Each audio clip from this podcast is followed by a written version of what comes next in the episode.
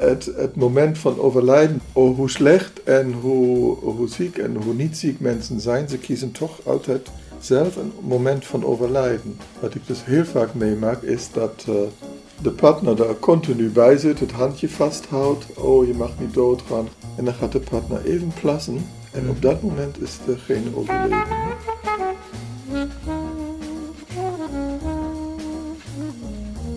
U luistert naar de Therapeut Podcast, een wekelijkse podcast waarin ik, Peter Voortman, openhartige gesprekken voer met therapeuten over hun professie, patiënten en zichzelf. Luister mee naar bijzondere, schrijnende en grappige verhalen uit de behandelkamer.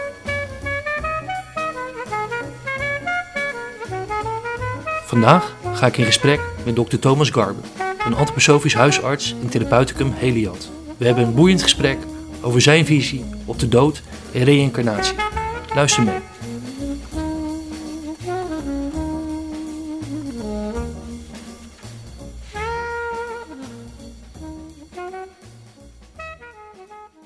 Goedemorgen dokter. Goedemorgen. Goedemorgen.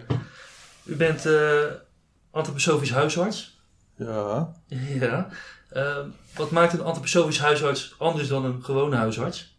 Nou, de antroposofische geneeskunde is een aanvulling op de reguliere geneeskunde. Mhm. Dus je bent gewoon opgeleid als, uh, als arts en als huisarts. En dan heb je, op een gegeven moment kom je de antroposofie tegen. Mhm. En dan denk je, daar zit, daar zit dus nog meer dan je op de universiteit leert. Waar bent u de antroposofie tegengekomen? Tijdens de studententijd. Via, via een docent of gewoon via, via een vriend of vriendin? Nee, dat was via een vriendin. Eh, die, die was daar al mee bezig. En uh, op een gegeven moment dacht ik, nou laat ik daar ook eens naar kijken. En dan ben ik naar een lezing gegaan van een uh, best wel een redelijk bekende huisarts toen. Die is reeds overleden nu trouwens. En dacht ik, nou, wat ik daar hoor, denk, op die manier wil ik eigenlijk ook uh, liever mijn vak uitoefenen. Ja. Wat, de, de wat, ruimere wat u aan? op de mens. De, ja, de, de, de bredere blik op de geneeskunde. Dat je niet alleen maar een, uh, een, uh, een hoopje klachten bent, maar dat, mm -hmm. het, dat je verhaal ook ergens een, een plek in je biografie heeft. Zin. Mm -hmm. en, en dan natuurlijk ook dat je de, je met de antroposofie bezighoudt, die ook met, uh, de gedachte van reïncarnatie en karma heeft. Reïncarnatie is een, een groot onderdeel van de antroposofie? Of? Ja, dat is wel een van de hoofdaspecten. Uh, dat je dus niet alleen maar hier bent om uh, gemiddeld 70, 80 jaar je leven te leven en dan daar is niks meer en daarvoor is niks meer. Is, is de antroposofie een religieuze aangelegenheid voor u? Mm, nee. Nee, ik ben wel katholiek. Maar uh, de uh, antroposofie is geen religie, maar het is wel zeer christelijk. Ja? Ja. Wat, wat maakt het christelijk? Um, het is een spirituele richting en de, hetgeen waar je naartoe gaat is eigenlijk de, de ja, of wat je als voorbeeld he, hebt is Jezus. Hoe hij geleefd heeft en hoe hij bezig is geweest. Dat is iets waar je als, uh, als mens en misschien ook wel als mensheid mm-hmm. naartoe streeft. Kun je dit bereiken? Maar is het dan de vertegenwoordiging van Jezus, zoals je beschreven is, en hetgene wat, wat hij gedaan heeft, wat, wat als een voorbeeld dient? Of is het echt Jezus, de Zoon van God, hier op aarde? Mm, nou, meer het, uh, het, het, de manier van leven, of het, on, het onbaatzuchtige. Mm-hmm. En de, liefde, barmhartigheid, al dat soort dingen die, die je uh, naast elkaar kunt zetten. Ja. Wat gelooft u in een God die zich bekommert over, de, over het lot en het handelen van de mensen? Um, nee, dat denk ik niet zozeer. Dat er iets, uh, iets zit wat, wat ons dirigeert. Nee, dat niet. Of ook niet oordeelt? Mm, nee, dat denk ik niet. Nee. Het, is, het zit meer in, of je kan het in jezelf oproepen, deze krachten. En uh, u werd geïnspireerd door een antroposofisch huisarts in een lezing. Bent u toen als een gek boeken gaan, gaan lezen of hoe maakt u zich dat eigen? Ja, ik heb, ik heb één boekje gelezen, dat, heeft, dat, dat, dat is van een Zweed. Uh, die, die heeft dus de hele, de hele antroposofie beschreven. En dus, want het is niet alleen maar de geneeskunde, maar ook de biologische dynamische landbouw, de banken, de, de heilpedagogie voor de gehandicapten en, enzovoort. Dus het komt in alle, in alle gebieden op aarde komt dat weer terug. Mhm. En daarna ben ik gewoon naar cursussen gegaan. En ben ik lid geworden van de studentenwerkgroep genees, antroposofische geneeskunde. Die helaas al niet meer bestaat. Nou goed. eh. en daar hebben we ook eh, weekenden georganiseerd en eh, voordrachten enzovoort. En u, ge- u zegt u gelooft in reïncarnatie. Welk deel van u wordt dan voortgezet? Het, de, de kern, het ik. Mhm. In de antroposofie noem je dat het ik. De mens is de enige die een ik heeft. De mens is geen dier, geen zoogdier. Daar zit het verschil in. Ja, dat is natuurlijk vanuit de biologie zo, omdat wij zoogdieren zijn. We, zijn, we, we- baren een, eh, een, een kind en dat gaat aan de borst, maar eh, daar is dan ook alles mee gezegd. Want wij zijn de enigen die ik tegen elkaar zeggen. Een koe die zal eh, nooit zeggen... Ik kan ze niet verstaan. Nee, maar die gaat ook niet denken, ik ga nou eerst de krant lezen en dan het gras eten. Als die gras ziet, dan doet hij dat. Mhm. Wat zegt de, zegt de antroposofie over de dood? Eh, ja, heel veel. Ja, ik weet niet wat. eh, Want is het een verlossing? nou, het is een soort eh, overgang in de, in, in de. Ja, of je nou. Je gaat naar de hemel toe, eh, dat zou je dan heel, eh, heel simpel kunnen zeggen. Maar ja, je gaat naar een andere fase. Mhm. Tenminste, je, je kern. Maar u zegt u gelooft in reïncarnatie, dus of zit er een station tussen? Waartussen. Nou, van, u geeft net aan van, nou, je, je- ik ga naar een, naar een volgend leven. Ja, maar je Is gaat dat- niet direct overstappen. Hè? Daar zit wel een eh, hele tijd tussen. Ja, is dat zo? Ja. En eh, ja, daar heeft, daar heeft Steiner wel het een of het ander over gezegd. Het schijnt dan iets van 700 jaar te duren. Dus, eh, maar of dat zo is, eh, daar, kunnen, daar zijn ook wel weer uitzonderingen. Er zijn sowieso nergens eh, strikte richtlijnen of, of dingen die, die vastliggen, geen dogma's. Mhm. Maar gemiddeld duurt het wel een hele tijd. Dat denkt u zelf ook. Ja. Dus En dus die, ja, er zijn mensen die hebben dat uitgezocht, die, die groepen die er nu zijn, die hebben dan eh, een paar honderd jaar geleden ook geleefd. Mhm. Dus je komt ook weer mensen tegen in andere hoedanigheden en vormen. En, en, en dat er reïncarnatie is, dat merk je ook wel dat die hele eh, populatie mensen zich ontwikkelt. Mhm. Ehm, de populatie is nu veel en veel groter dan 700 jaar geleden. Zijn Ja. er dan nieuwe lichtingen of zijn er vertakkingen van de vorige ikken? Ja, dat is een goede vraag, ja. Ja, er zijn ongeveer net zoveel ikken als sterren aan de hemel, hè, maar ja, dat eh, kan ook niemand tellen, dus dat weet ik niet. Dat, dat, dat, dat is een moeilijke... Oké. En eh, wat, wat, wat denkt u dat er zoiets is als een oude ziel en een jongere ziel? Denk het wel, ja. Ja, ja. En waar zou dat uit kunnen blijken? ja hoe je hier eh, bent op aarde, hè. Hoe, je... eh, ja, je inzichten, je, je overtuiging, je charisma of zo. Als, mensen ineens oplichten, dan, eh, dan hebben die toch wel meer in hun bagage dan, eh, dan iemand die volledig niet opvalt. Oké, want je zou ook, als je zou vergelijken met een, eh, een jong kind en een oude persoon, dan heeft een jong kind heeft ook eh, in ieder geval heel veel aantrekkingskracht. Het wordt in ieder geval heel erg leuk en lief ge- gevonden. Ja, dat is, eh, dat is het grappige, dat inderdaad kinderen, die zijn verder dan de volwassenen in hun ontwikkeling. Dus naarmate de jaren raak je eigenlijk ontwikkeling kwijt. Nee, die kinderen die nemen al die, al die ontwikkeling die wij gedaan hebben, Mhm. die zit eigenlijk al in de kinderen. Dus alles wat, elke gedachte die jij hebt, Ja.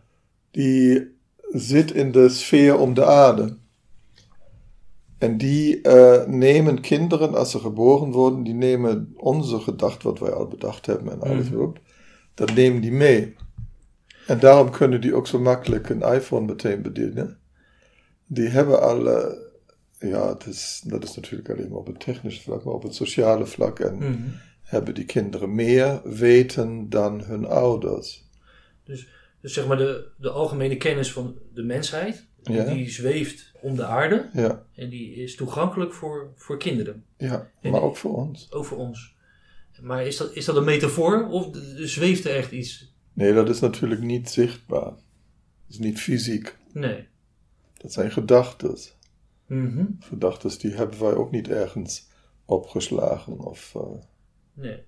die... Maar, maar ik- wat ik probeer te achterhalen is, is dat zeg maar metaforisch gezegd?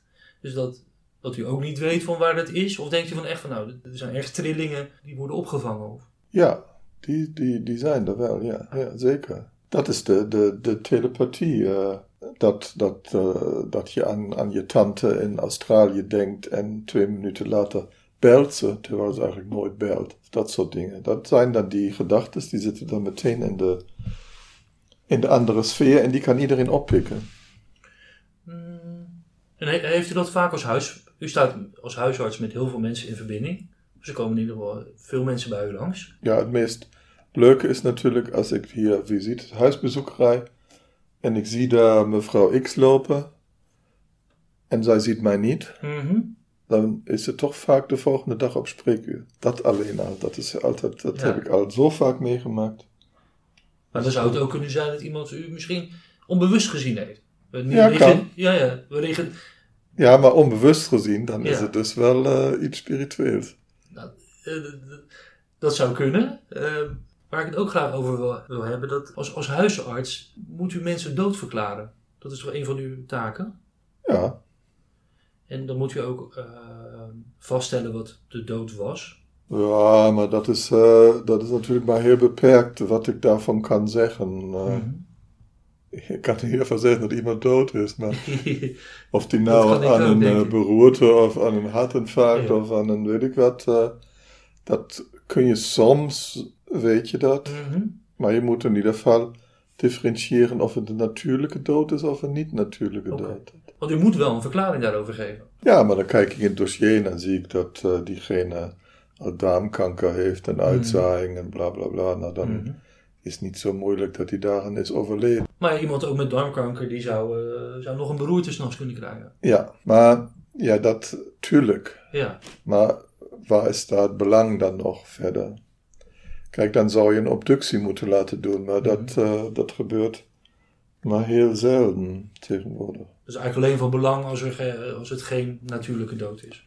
Ja, of het een heel onverwachte dood is. Als, Ja. als jij ineens morgenochtend dood in bed ligt, Mhm. dan is de vraag van, ja, waar is die jongen nou dood gegaan? Want die is veel te jong en eh, Ja. die had nergens last van. En dan eh, heb je ook kans dat je misschien kandidaat wordt voor een obductie om te kijken of er iets heel geks aan de hand was. Eh, Maar je kan niet, je kan niet zo makkelijk aan iemand zien waar die dan aan dood is gegaan. En Kunt u zich nog de, de, de eerste persoon herinneren die u moest doodverklaren? Nee, Dat heeft u niet geraakt. nee. Want raakt het u überhaupt nog als u iemand moet doodverklaren? Ehm, nou, tegenwoordig is dat meestal als je dienst hebt op de huisartsenpost en dan wordt je om iemand geroepen die dood is. En eh, die ken je helemaal niet en er zit een familie omheen die je ook nog nooit gezien hebt. En eh, ja, nou dat, eh, Maar u heeft ook een, eh, een vaste patiëntenstroom die, ja, die ook gewoon overlijdt. ja dan, dan is het wel iets anders. Dat, dat is eh, omdat je dan, dan heb je echt een band met iemand. Ja. Ja, Maar dan werk je ook, maar dat is nog steeds een ware- professionele band. Het zijn ja, geen vrienden, maar het zijn patiënten van u. Misschien ook vrienden, maar Ja. Nou, met, in, de, in de laatste fase wordt de band wel, wel intensiever. Dan, dan heb je toch wel, is toch wel meer dan, eh, dan meneer X eh, die weer Ja. komt of zo. Dan, dan zie je mensen vaak ook eh, elke dag soms. En en bent u ook wel eens de enige die bij iemand is terwijl iemand sterft? nee, ik heb wel twee of drie keer gehad dat iemand overleed terwijl ik er was, maar Mhm. niet, in principe niet, nee. En bent u dan verslag? Ehm, nee. Nee? Nee. Ja, ik weet, ik weet, voor de meeste mensen is natuurlijk het, het zien van iemand die overleden is heel eng. Maar Misschien dat, niet, maar... dat, eh, eh, daar heb ik niet. eh, nee.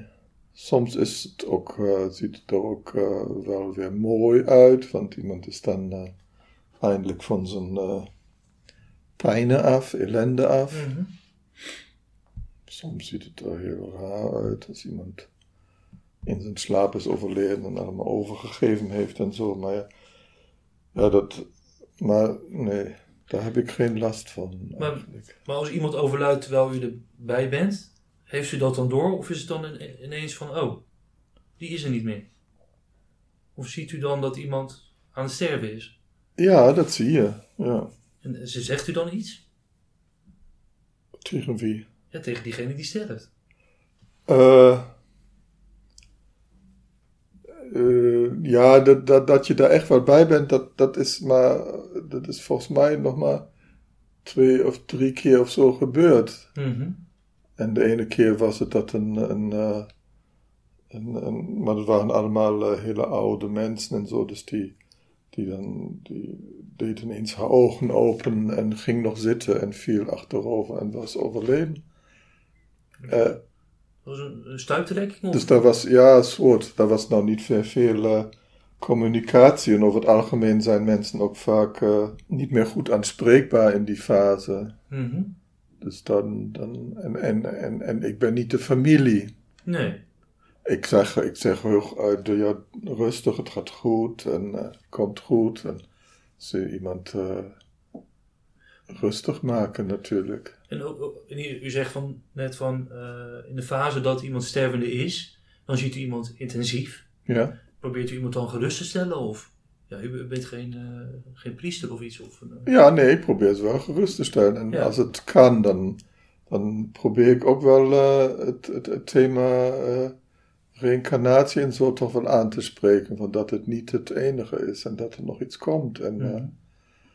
En, en er zijn mensen die, die bevestigen dat en die vinden dat prettig. En er zijn anderen die zeggen, daar wil ik het niet over hebben. Ja. Uh, dus uh, daar heb je soorten en maten. Dat, uh, en ik ga ook niemand iets opdwingen. Ga, dat is sowieso de, de, het punt dat je dat heel, gewoon heel voorzichtig even moet aftasten. Hoe ver wil iemand gaan? Hoe, hoe ver wil iemand erover spreken? En kijkt u anders tegen het leven aan? Door, door, de, dood, door de dood zo mee te maken? Ja. Ja, het, het maakt wel uh, dat je merkt van ja, de dood die, die hoort er toch gewoon bij. Mm -hmm. Die is ook, uh, ja, daar, daar, daar zijn ook uh, goede aspecten aan. En dat, dat lees je natuurlijk dan in die, in die, in die boeken over bijna doodervaring. En ja, ik had ook een keer een oude dame van 90 die niet gereanimeerd wilde worden. En dan was het ongeluk dat ze wel in dat verzorgingshuis, dat die zuster dan wel 112 ging bellen en ze was gereanimeerd. En het was ook nog gelukt ook, wat de kans natuurlijk eigenlijk niet zo groot is, maar die was wekenlang boos, erg boos dat ze weer terug moest. Ja, ja. Oh, dat viel vies tegen dat ze weer leefde. Want voor sommige mensen is de dood wel echt een verlossing. Ja. Ziet u dat veel? Ja, ja. Ja, heel veel ouderen die willen natuurlijk, uh, daar kom je en dan is het altijd van, ja dokter heeft u niet het pilletje en spuitje en uh, kijk mijn bejaardenhuizen, eenzame ouderen, die hebben natuurlijk ook niet veel naar uit te kijken. En dan zitten ze nu nog wel eens euthanasie? Nee. bewust niet voor gekozen of? Ja, dat heeft toch te maken dat je dan dat is van, zeg maar, vanuit de antroposofie dat je dan het, uh, het lot of het karma, of hoe je het wilt noemen, van de ander op je gaat laden. Dan ben jij degene, dan ben ik degene die vos heeft ingegrepen in het leven van een ander. En ik zal dus op die manier dan ook verbonden blijven met die ander. Ik ben er dan niet meer vrij van. Het is anders mm -hmm. um, wanneer ik iemand bijvoorbeeld een drankje zou geven wat hij dan zelf gaat innemen. Oké. Okay. Dat vind ik een, uh, dat is het pilletje van Trion, dat mag er best wel komen. Mm -hmm. Wat mij betreft, maar dan heb, ben ik er vrij van. Mm. Begrijp je dat? Nou, niet helemaal, want hoe, hoe blijft u dan verbonden in de zin van? Nou, je bent uh, als arts ben je, uh, probeer je iemand te helpen, uh, te verlichten en, en in het ideale geval natuurlijk te genezen, dat Mhm. iemand op een, op een nieuwe weg verder kan gaan. En je staat eigenlijk naast, naast de patiënt. Mhm. En je loopt een stukje samen op. En dan gaat de patiënt weer alleen verder. Hè? En als je het leven actief beëindigt, dat is ook nog verschil tussen terminale sedatie en euthanasie. Mhm. Terminale sedatie doe ik wel, maar euthanasie, dan, dan heb je echt, eh, ja, je, dat is natuurlijk moord, is een beetje een zwaar woord, maar je hebt iemand, eh, binnen een paar minuten is die overleden. Maar En eh, daardoor, ja. en daar kan die niks tegen doen. En dan ben ik degene die dat, dat lot op zich laat.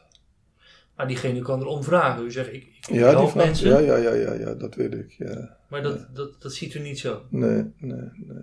Maar als u een drankje zou kunnen neerzetten, dan had u dat wel gedaan. Ja, en ik doe ook eh, palliatieve sedatie, dus dat mensen dan morfine krijgen en een slaapmiddel. Mhm. Dan over, maar dan overlijden ze ook uit zichzelf Dan meer. eten ze niet meer. Ja, cool. Ja, nee, ze liggen te slapen. Maar dan is Ja. het moment van overlijden, ligt dan meestal eh, een halve dag tot zelfs tien dagen daarna. Maar zonder, die inge, zonder de ingreep waren ze niet overleden. De- Het is, het is Ja. een beetje een, een Het is een, eh, trucje, zeg maar. ja, het is een beetje een, eh, een, een hellend vlak. Mhm. Maar ik vind toch dat je dan, dan meer de, de patiënt de vrijheid geeft om te overlijden wanneer die wil.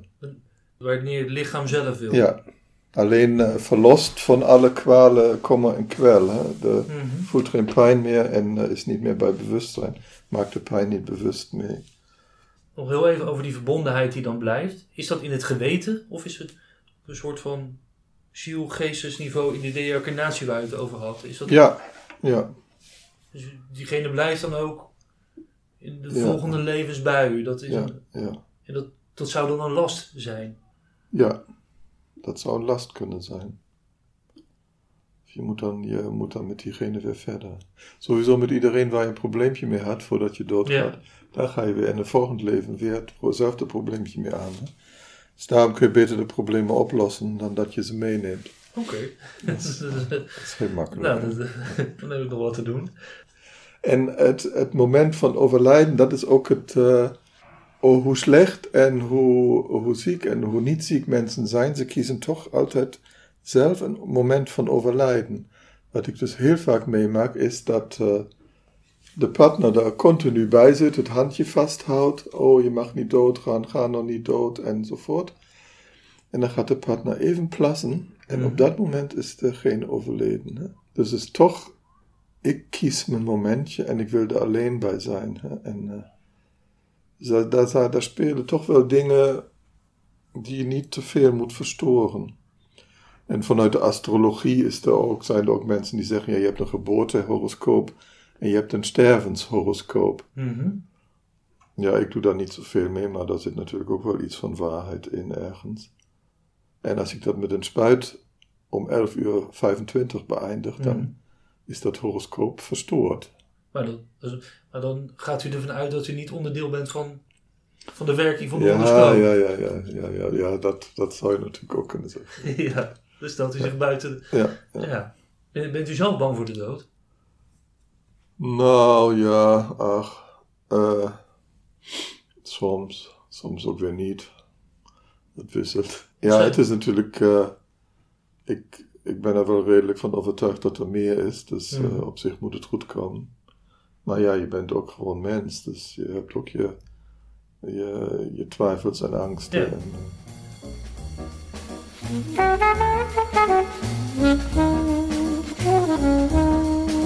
U luistert naar de Therapeut Podcast.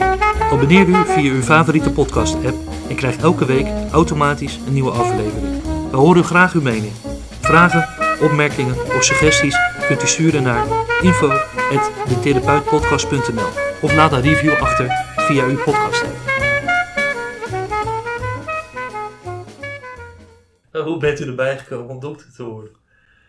Nou, ik had al, eh, als, als baby hadden ze een, eh, een van de Hatterviking, eh aangeboren Hatterviking vastgesteld. Dus ik lag al heel vroeg in het ziekenhuis en geopereerd en meerdere keren of zo, twee keer in ieder geval. Nee, één keer, één keer, maar, maar voor onderzoek en zo. Dus dat was uh, voor mij als kind natuurlijk uh, prachtige Ja. tijd. Ja. En dan zat je gewoon met 15 of 20 kinderen in een zaal te geinen. Maar eh, dat, dat heeft wel iets zo van, ja, dat, dat is wel iets, dat wil ik later ook doen, zoiets. U, u zag die- artsen als, als helden. Of- Ja, ja, ja, ja, ja. ja.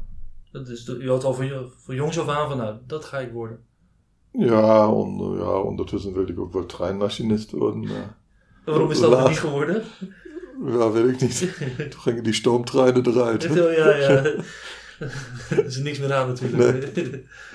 Nee, maar eh, nee, dat, dat arts, dat is dan toch wel later uitgekristalliseerd. Ja. Ja. Ziet u verschil in hoe mensen tegenover de dood staan in de wijze waarop ze leven? Je, je hoort wel eens van mensen die een gelukkig leven hebben, die zijn niet zo bang voor de dood. Want mensen die bang zijn voor de dood, die ehm, zijn eigenlijk bang dat ze iets niet gedaan hebben. Omdat ze geen voldaan leven hebben gehad. Ziet u daar wat in? Nou, ik weet niet of mensen minder bang zijn dan voor de dood, want ze laten het natuurlijk niet zien. Mhm. Ik bedoel, heel veel mensen die zijn gewoon eh, met een groot feest bezig. eh, Ja. En die hebben dat, die dood helemaal niet in hun bewustzijn. En mensen die daar wel over nadenken, die misschien angstiger lijken, die zouden best wel meer vertrouwen kunnen hebben, eh, daarin hebben. Dat, dat, dat weet je niet zo, dat zie je niet direct aan de buitenkant, vind Mhm. ik. En je ziet met name als mensen ouder worden, worden ze wel over het algemeen minder bang voor de dood. Oké. Wegen de oudjes hier en zo, als die het, eh, ja, ik ben klaar ermee. eh, van mij mag het komen. En, ja. En denkt u dat het leven een doel heeft? ja, dat is juist de ontwikkeling die je maakt tot een, eh, eh, een echt mens, zoals Jezus. Zoals Jezus. Dat, dat, wij moeten allemaal zoals Jezus worden. Nou, dat is een, eh, een, een streven, dat zal niet lukken. Niet iedereen is zo, maar, of eh, kan zo zijn. Mhm. En niemand is helemaal perfect, ik ook niet. Zeker niet, maar het is wel een, een, eh, een, een streven naar een, eh, ja, een, een, een, een maatschappij of een, een samenleving die, die harmonieus kan samenleven en, en waar, waar liefde echt bovenop staat. Maar, maar goed en Bovenaan. kwaad naast elkaar, dat is toch ook harmonie? Wat? Goed en kwaad naast elkaar, dat is ook harmonie. Ja, je hebt het kwade nodig om je eraan te ontwikkelen, dat klopt. Mhm. De, Maar eh, ziet u echt dat, dat we met z'n allen naar een soort van utopische maatschappij toe gaan? Of is het meer alleen een streven? En ook een Ik denk meer een streven. Ja, dat is meer een streven. En dat gaat eh, ja, over generaties heen. Dat, dat, dat, dat doodverklaren moet je ook wel eens jonge mensen doodverklaren. Want Ja, er- dat komt natuurlijk super, super, super zelden voor. Want u zit ook in een, in, een, in een wijk waar de populatie wat, wat ouder is. Eh, nee. Ja, jongere mensen die dan kanker hebben of zo. Dat, maar dan overlijden ze ook weer vaak in het ziekenhuis. Het is natuurlijk dat ik erbij ben, is alleen maar van 9 tot 5 of van 8 tot 5. En, eh, en in die andere uren gebeurt heel veel meer nog dan. eh, Het, is ook niet zo dat de, de eigen huisarts iemand moet, dood, moet doodverklaren. Nee, dat nee, is gewoon nee. een arts. Dat, Ja, ja.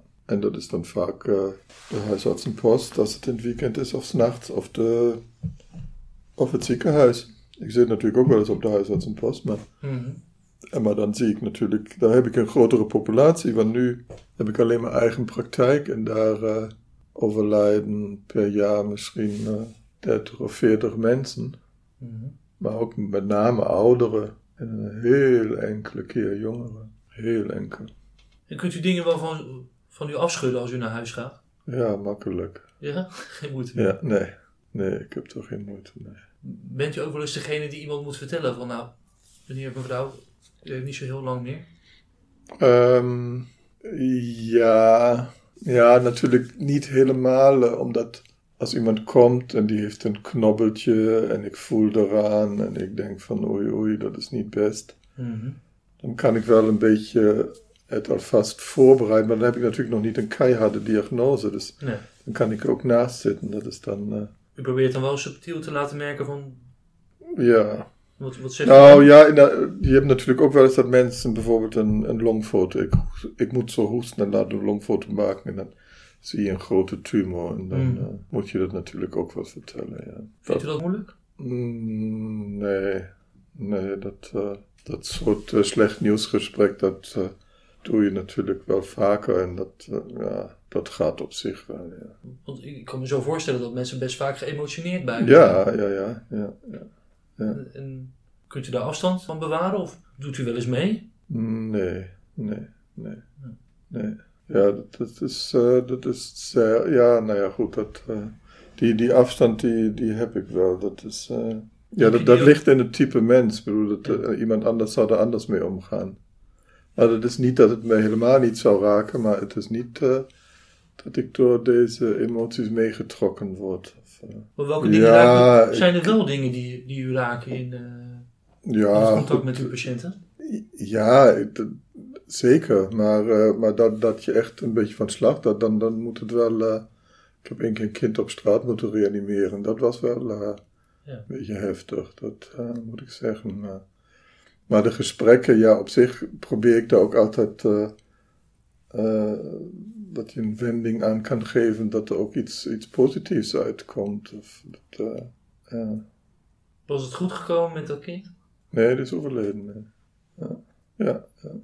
Maar dat maken wij in principe niet, niet mee, omdat het een auto-ongeluk was. En normaal gesproken ga- gaat daar de ambulance naartoe. Maar U, u was gewoon toevallig in de buurt.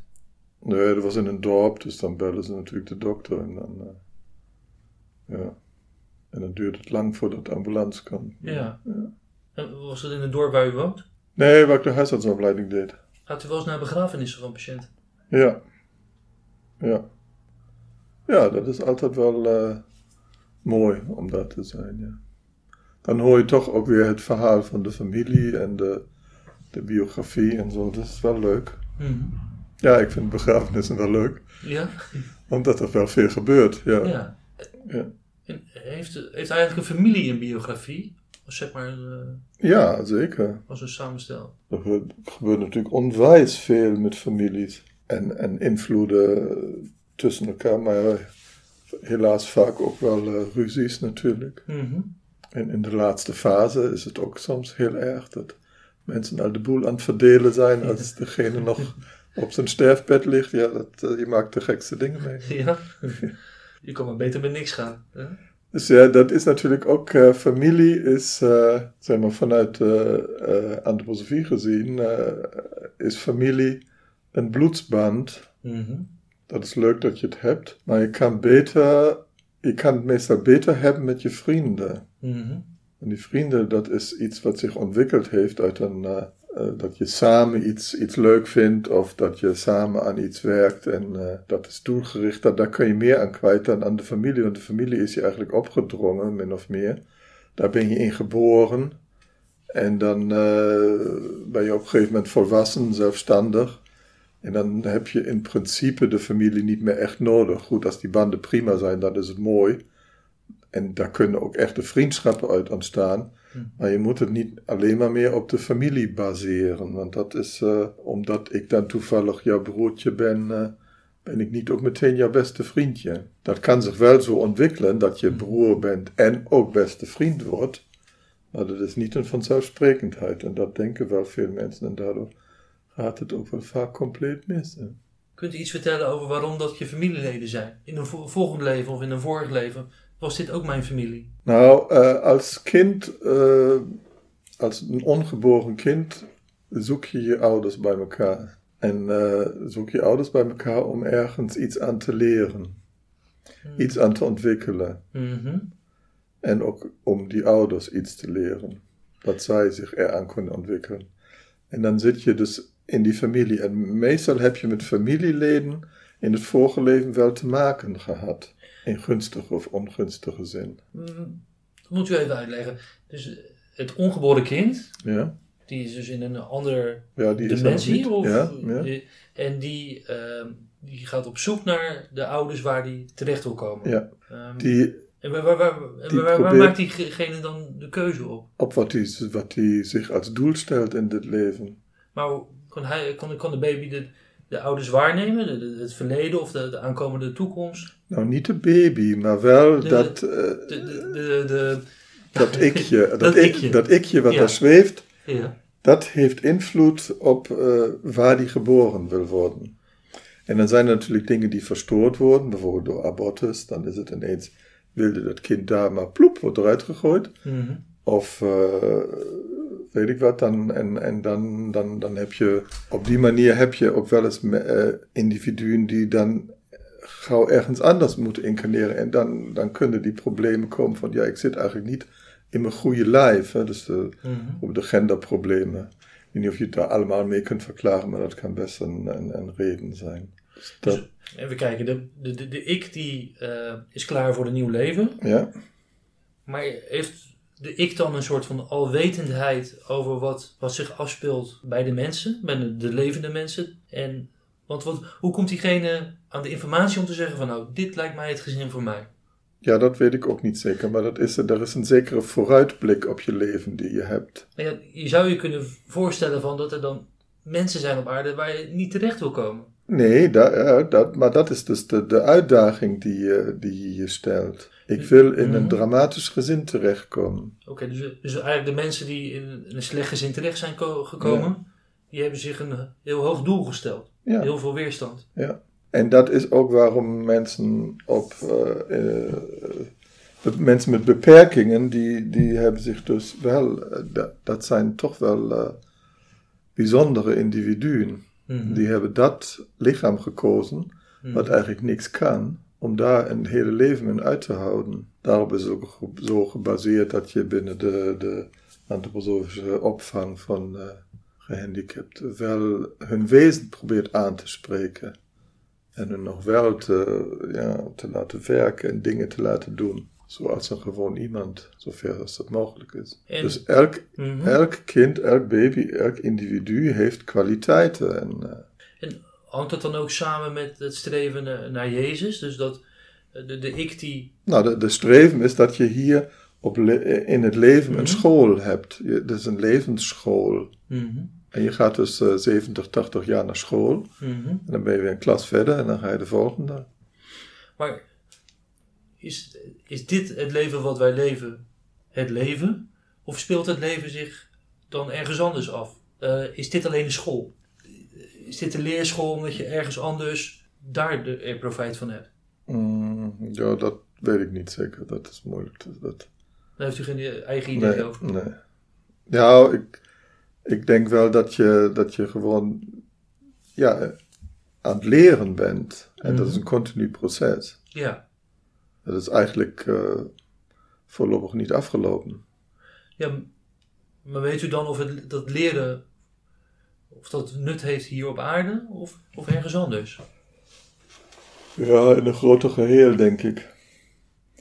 En het grote geheel is natuurlijk het, het, hele, het hele geheel. Ja, hoe groot is het hele geheel? Dat weet je ook niet. Hè? Wij zitten hier alleen maar op die kleine aarde. Mhm. Dat is wel erg eh, filosofisch.